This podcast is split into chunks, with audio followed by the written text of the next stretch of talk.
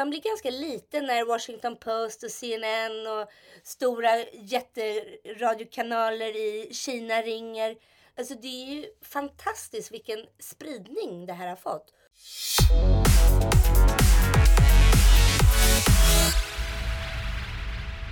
The Swedish number. Ja, du vet säkert vad den är. Nu kan vem som helst i världen ringa Sweden, ett nummer, och någon som bor i Sverige svarar.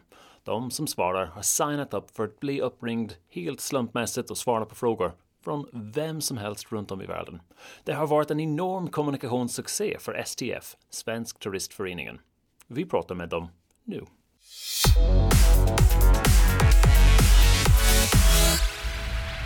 Jenny Engström, kommunikationsansvarig på STF, The Swedish Number.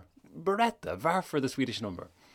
Vår vision, det har ju funnits sedan 1885, är att få fler att upptäcka Sverige. Och då tänkte vi, i dagens samhälle när allting är superdigitalt, då är det mycket häftigare med ett samtal, en tvåvägskommunikation. Precis som att du och jag sitter och pratar här nu. Vi har ett samtal med varandra. Och då kom idén på Sverige ska få ett, som första land i världen ett eget telefonnummer. Var det svårt att sälja in den här internt med dina andra kollegor på STF eller? Hur var Nej, det var faktiskt min, vår generalsekreterare Magnus Ling som sa till mig att vi kör. Det är mitt huvud som ryker om det inte fungerar. Och den här idén kom ju till oss först i november. Eh, det var ju reklambyrån Ingo eh, som har haft en, en idé, en snarlik idé under flera år, eller ett och ett halvt år. Eh, och så kom de till oss och vi bara Hjälp! Vad ska vi göra? Det här måste vi göra. Det här är så kul. Och sen så estificerade vi den tillsammans under en otroligt intensiv period på tre månader för att lansera 6 april. Och varför fungerar den här så bra? Därför att den har fungerat väldigt bra. Vi går in i de detaljer lite senare. Men är... Jag tror dels att vi är första landet i världen som gör en sån sak. Och precis som jag sa, att det är samtalet mellan två personer. Vi går tillbaka till det analoga. Alla i stort sett i hela världen har en telefon och kan ringa. Eh, svenskarna känner sig stolta att det är de som får berätta om Sverige. Att det inte är någon marknadsbyrå som bestämmer att det här ska du upptäcka i Sverige. Utan det här är svenska befolkningen som får själva bestämma vad som är kul i Sverige. Så därför tror jag att den funkar. Men det också går ut på att det är ju svenskar som är intresserade av, av, av att frivilligt ställa upp och svara. Mm. Och att det finns folk som vill faktiskt ringa. Man måste ha bägge två. Ja, man måste ju ha kombon. Och jag kan ju erkänna att vi tanken är att vi ska hålla på i två månader till nationaldagen, 6 juni. Och vi hade, när vi pratade med växelföretaget, eh, då sa vi att vi är jätteglada om det blir 30 000 samtal på två månader. Vi hade krismöte redan efter tre dagar för då gick det över 30 000. Eh, och vi trodde att det kanske skulle vara 2000 svenskar som laddade ner appen. Nu är vi inne på över 25 000 svenskar som har laddat ner denna app. Så att det tekniska hade lite svårt att hänga med ett tag. Och det kanske är lite så fortfarande också att man inte får den här bekräftelse-smset direkt när man har laddat ner appen. Men de jobbar febrilt, teknikerna, dygnet runt för att ta hand om alla samtal och alla som vill vara med och svara. Så nu är det början på maj. Hur många samtal har ni haft? Vet ni? Och när jag kollade igår kväll så är det, var det över 123 000. Wow. Och från 178 länder. Och Sverige, eller världen har ju 195 länder om man ska liksom se på Wikipedia. Så att det är ju helt fantastiskt. Jag skulle så gärna vilja ha den här världskartan där man markerar alla länder som har ringt. Alltså då, får, då förstår man ju impacten på vilken spridning detta har haft. 178 av 195 länder ja, har ringt. Det är helt galet. Så de, de 17 länder som inte har, har ringt, har de ingen telefon? Jag har ingen aning. Jag måste gå in i den här statistiken. Det är ju fantastiskt roligt. Antingen har de ingen media för att men jag har ju gjort, jag har gjort över 220 intervjuer och förr eh, var man ju lite nervös när man skulle vara med i P4 Extra. De har ändå ganska många miljoner lyssnare i Sverige. Men du vet, man blir ganska liten när Washington Post och CNN och stora jätteradiokanaler i Kina ringer. Alltså det är ju fantastiskt vilken spridning det här har fått. Och vi har ju inte lagt ett enda öre i marknadsföring. Berätta nu om uh, slags oförväntade sort of medial inslag som ni har fått. De kanske tre mest sort of anmärkningsvärt. Eh, ja men det är ju, alltså Time New York, det är ju häftigt när man pratar med dem. Det måste jag ändå ge. Men sen så att Pewdiepie i förra veckan, eh, han bor ju i London så att han ringde ju till Sverige. Och bara den Youtube-klippet har ju fått över 3,5 miljoner tittare. Eh, och, och, det är ju alltså det är sådana siffror som man inte riktigt förstår. Och sen när alla, min lillebror bor i New York och han ringde en morgon och sa så här. Nu är jag så trött för jag hör din röst. Så fort jag vaknar så är du på tvn. Så fort jag sätter på radion så är du där och när jag läser tidningen så är du där. Så det är klart att det är, det är väldigt häftigt. Hade ni förväntat er ni hade inte förväntat er den här sorts genomslag, men ändå, hur, hur hade ni tänkt innan? Nej, vi, vi hade inte tänkt så mycket. Ja, vi lanserade ju som sagt 6 april. Eh, vi hade gett SVT Morgon förtur på nyheten. Eh, så min generalsekreterare Magnus satt där i tv-soffan. En halvtimme senare släppte vi den svenska releasen att nu får Sverige ett eget telefonnummer. Eh, jag kan säga att jag satt i morgonrock hela den dagen. För jag hade inte tid att klä på mig. För det ring, jag gjorde kanske 15-16 radiointervjuer. Eh, lokaltidningen, all lokalmedia ringde. Så det var ju fantastiskt. Och så tänkte jag så här, nu har det lagt sig lite kanske vid tretiden. Nej men då började ju, då släppte vi den i USA, pressreleasen. Där Gray PR i New York hjälpte oss med att distribuera den. Och även Visit Swedens utlandskontor, deras pressavdelningar har också hjälpt mig att distribuera pressreleaserna. Eh, och då började ju utländsk media ringa. Så att jag tror att första en och en halv veckan sov jag inte många timmar per dygn. Nej, det... För, det, var, det, är ju, det är en sanslös grej att vara med om faktiskt. Eh, hur känns det nu? Är du jättetrött? det, det, det, är ju en fråga med modifikation. Eh, nej, jag är inte trött. Men jag, har ju, jag kan ju erkänna att jag svimmade förra veckan två gånger. Så att jag låg faktiskt på sjukhus för hjärnskakning. Men eh, det är ju kul samtidigt. Det är ju jätteroligt. Igår var jag uppe i Kiruna och pratade för besöksnäringen om The Swedish Number. Och det är det som är så häftigt att även om vi på Svenska Turistföreningen, STF, får mycket uppmärksamhet så är det ju här någonting för hela Sverige. Så är det. Visit Sweden måste vara hur glad som helst. Jag tror att de är superglada. Tror vi, eller, eller ser man, kan man se redan, eller det blir kanske under sommaren, att man ser någon slags effekt? Därför att man måste utgå ifrån om, om 178-195 länder i världen ringer för att fråga om Sverige, det kommer att bli en ökad turism till Sverige. Ja, jag hoppas ju det. Och jag tror framförallt i och med att det inte det är inte bara frågor om turismen när de ringer, utan jag har ju pratat med allt om... Jag hade ju en kvinna som satt med sin son i, på någon liten ö i Stilla havet, bodde de på. Och han hade hemläxa med eh, Scandinavian. Så han, han hade gjort fem frågor. Jag var supernervös. Jag bara, gud vad är det här för frågor? Och då var det så här, finns det några vilda djur i Sverige? Den kunde jag ju svara på. Och vad gör barnen på fritiden? Den kunde jag också svara på. Men sen när hon frågade mig, när började ni läsa den nordiska mytologin i skolan? Då blev jag lite ställd och så ropade jag på min son Gösta. Jag bara, Gösta, när började... Han bara, vad är det för något? Jag vet inte. Så att, då blir man lite så här. Så det är väl, det är frågor om allt möjligt. Just det. Men jag tror att det har, det som har gett var ju också att om man ska se, det är ju jättekul med ett svenskt nummer, absolut.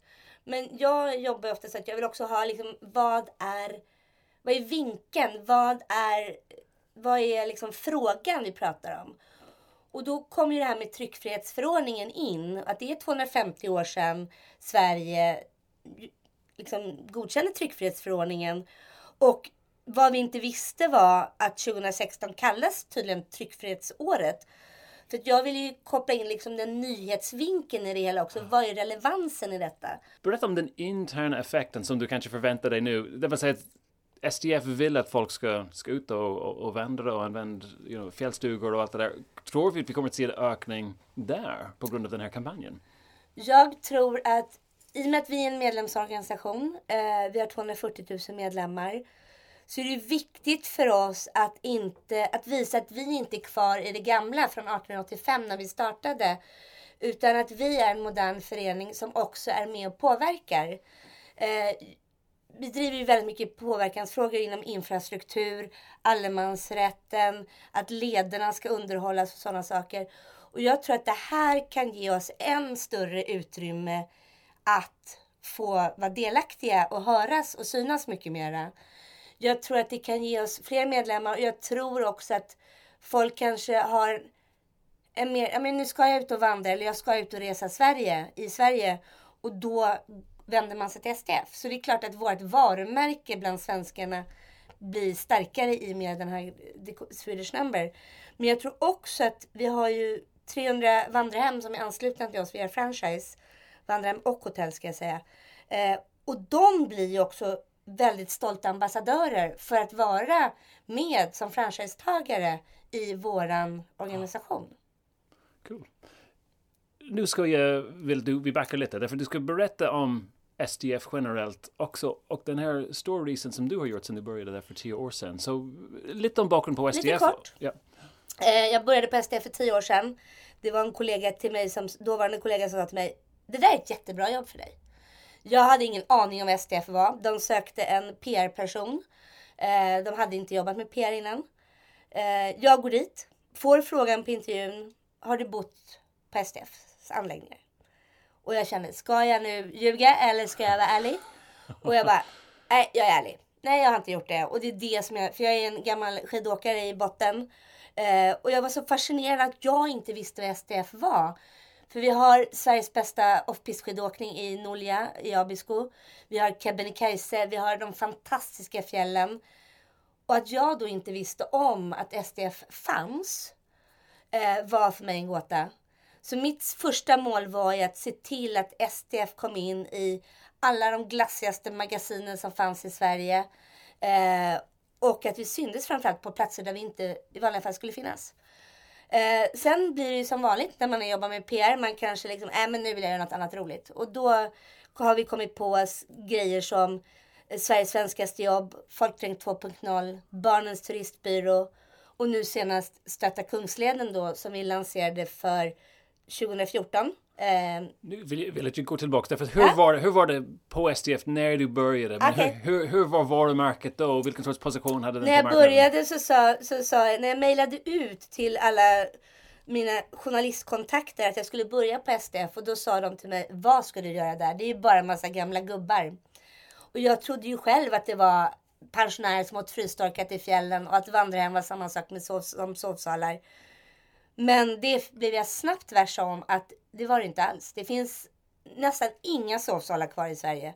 Eh, och det är inte bara pensionärer som vandrar i fjällen och äter frystorkat. Man kan äta trerätters, dricka jättegoda viner och bara ha det otroligt härligt. Och hur fick du den budskapet att komma fram? Därför att folk verkar känna till det nu, men det gjorde det inte de då. Jag tror att alltså, budskapet var att jag är den personen jag är. Jag är uppvuxen i Stockholm.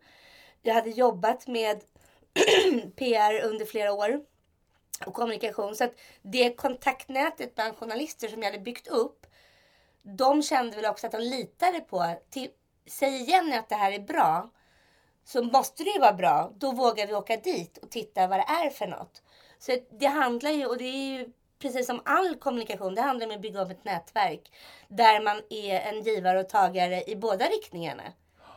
Jag kan ge dem input, de kan ge mig input. Och sen började du komma in i PR kampanjer som Sveriges svenskaste jobb. Kan du förklara lite den? Och sen Sveriges svenskaste jobb var egentligen, vi ville göra en modern Nils Holgerssons resa. eh, där, eh, och hur kunde vi göra det? Och så blev vi inspirerade av The Best Job in the World som Australien hade. Eh, så vi gick ut med platsannonser. Vem vill ha Sveriges svenskaste jobb? Kalle vann, eller han fick jobbet. Och han med hans sidekick Filip åkte runt i 30 dagar i Sverige och besökte Sverige där våra vandrarhemsvärdar då och platschefer på fjällstationerna fick då hjälpa honom att visa att det här ska du se i Flen eller det här ska du se i Skinnskatteberg eller vad det nu var.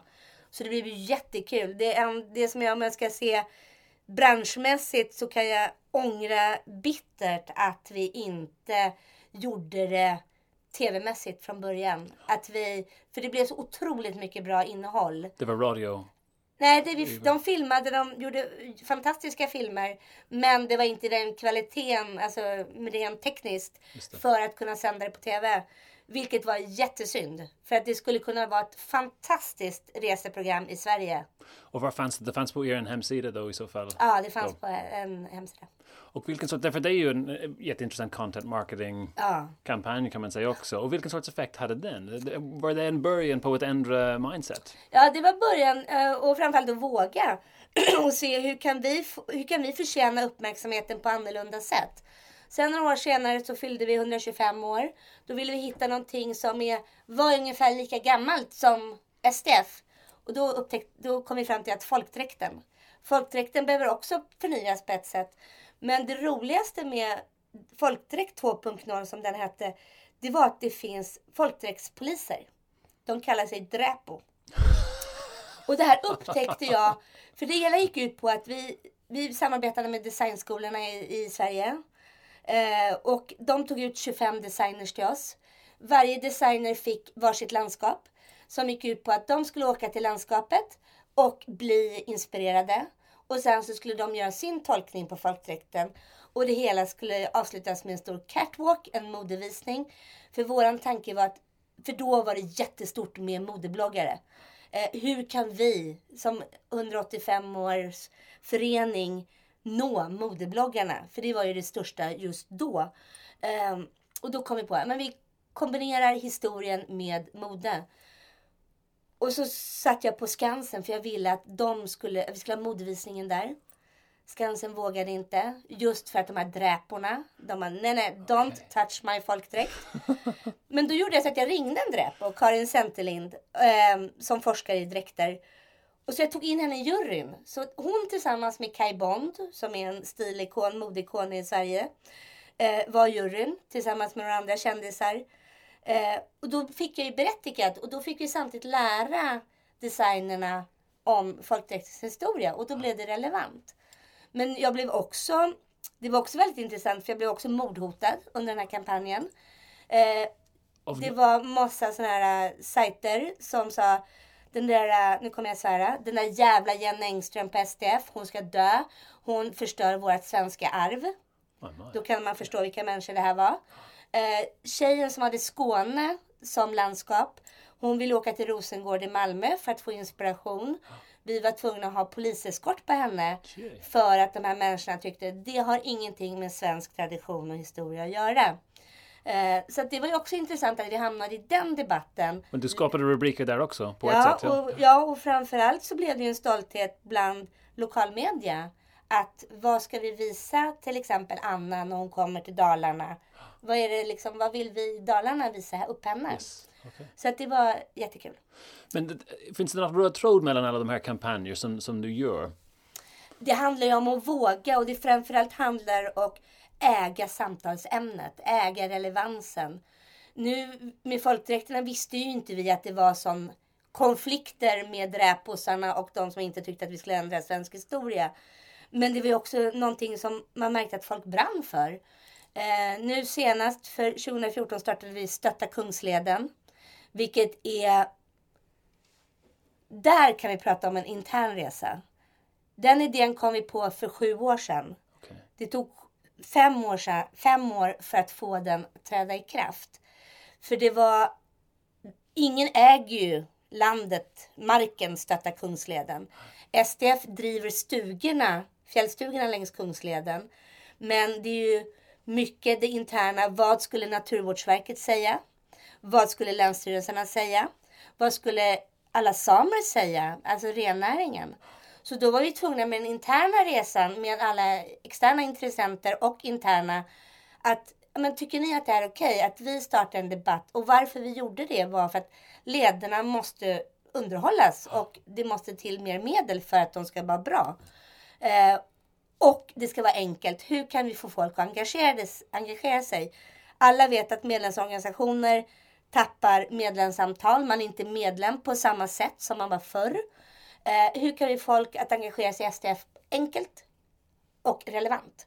Så att hela Stötta Kungsleden går ut på att för 25 kronor blir du fadder till en meter kungsled. De pengarna går oavkortat till att rusta stugorna längs Kungsleden.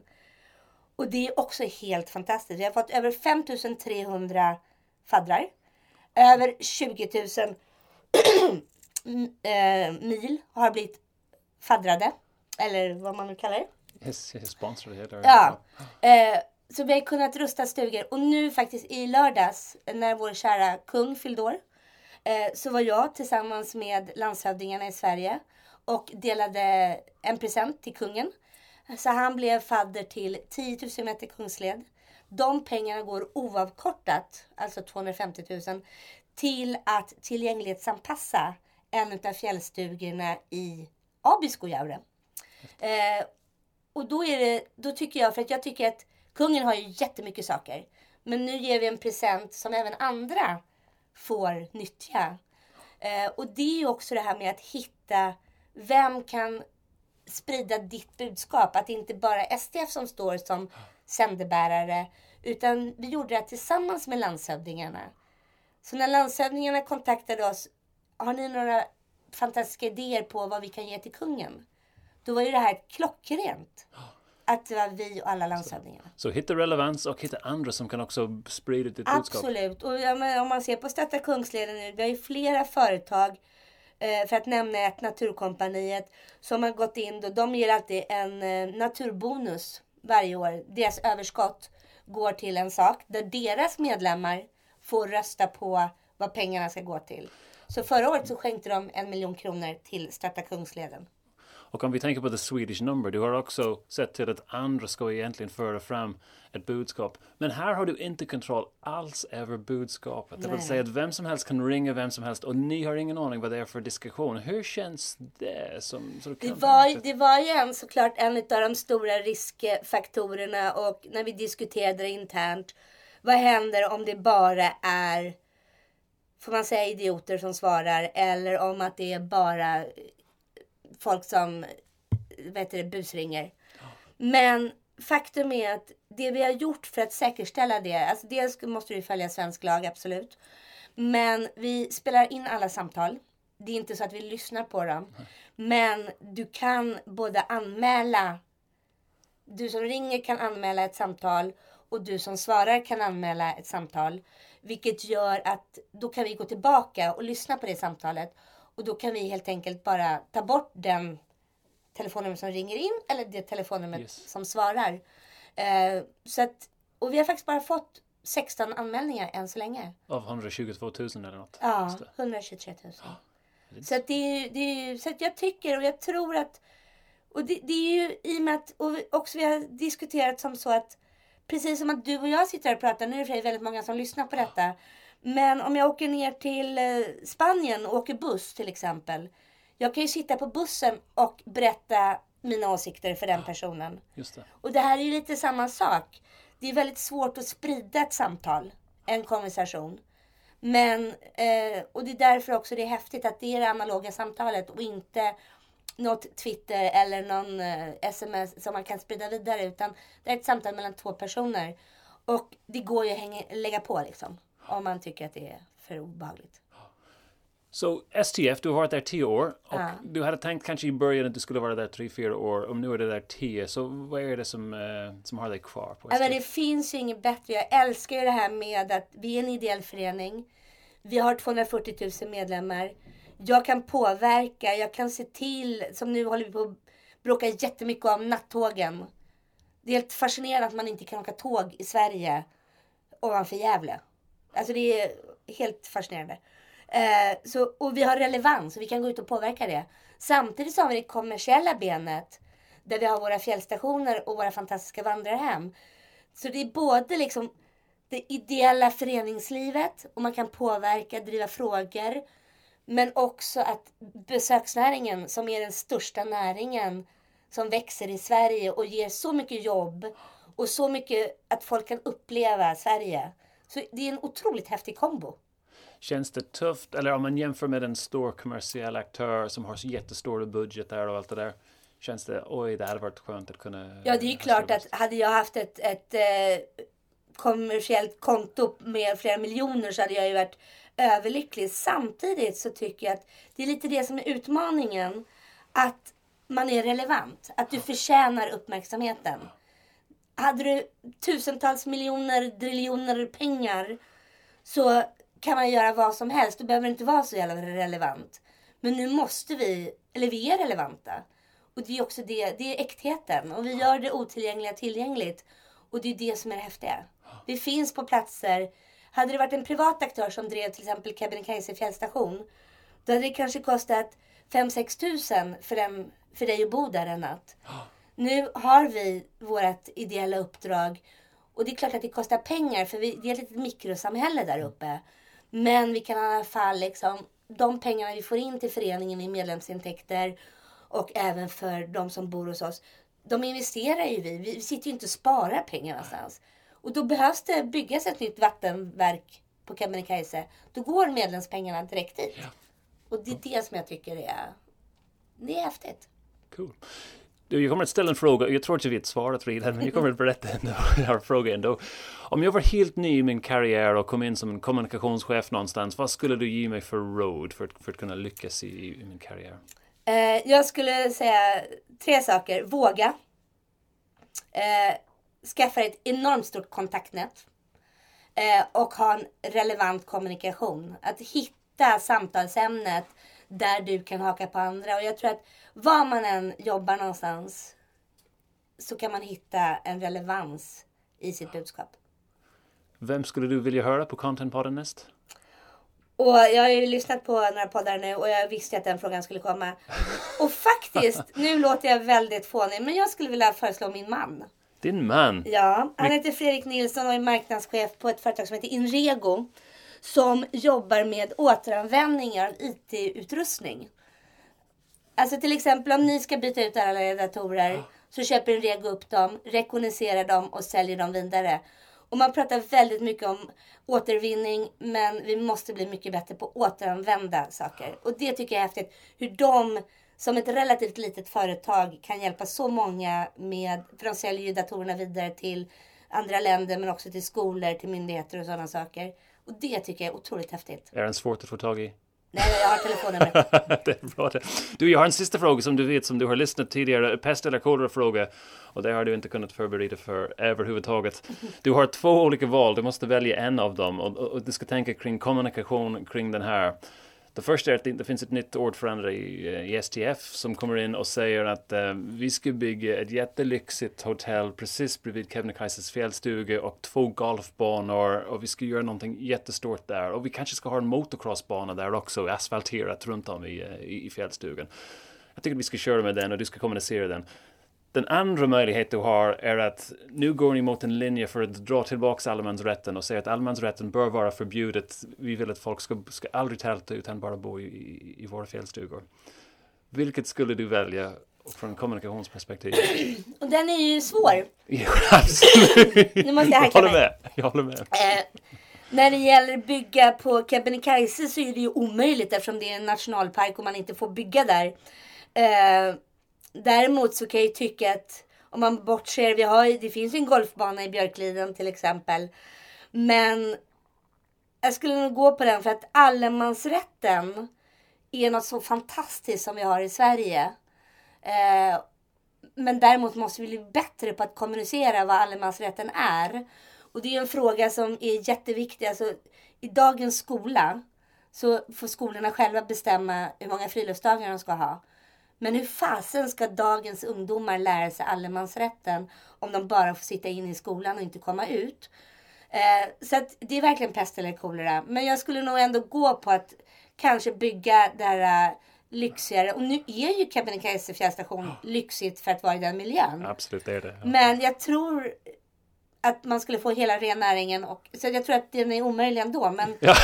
men jag vill ändå slå ett slag för allemansrätten. Fair enough. Jag förstår att det här var en väldigt tuff fråga. Vi kunde inte gissa vilket svar du skulle ha här. heller. Men Jenny Engström, stort tack för att du var med. Tusen tack för att jag fick komma.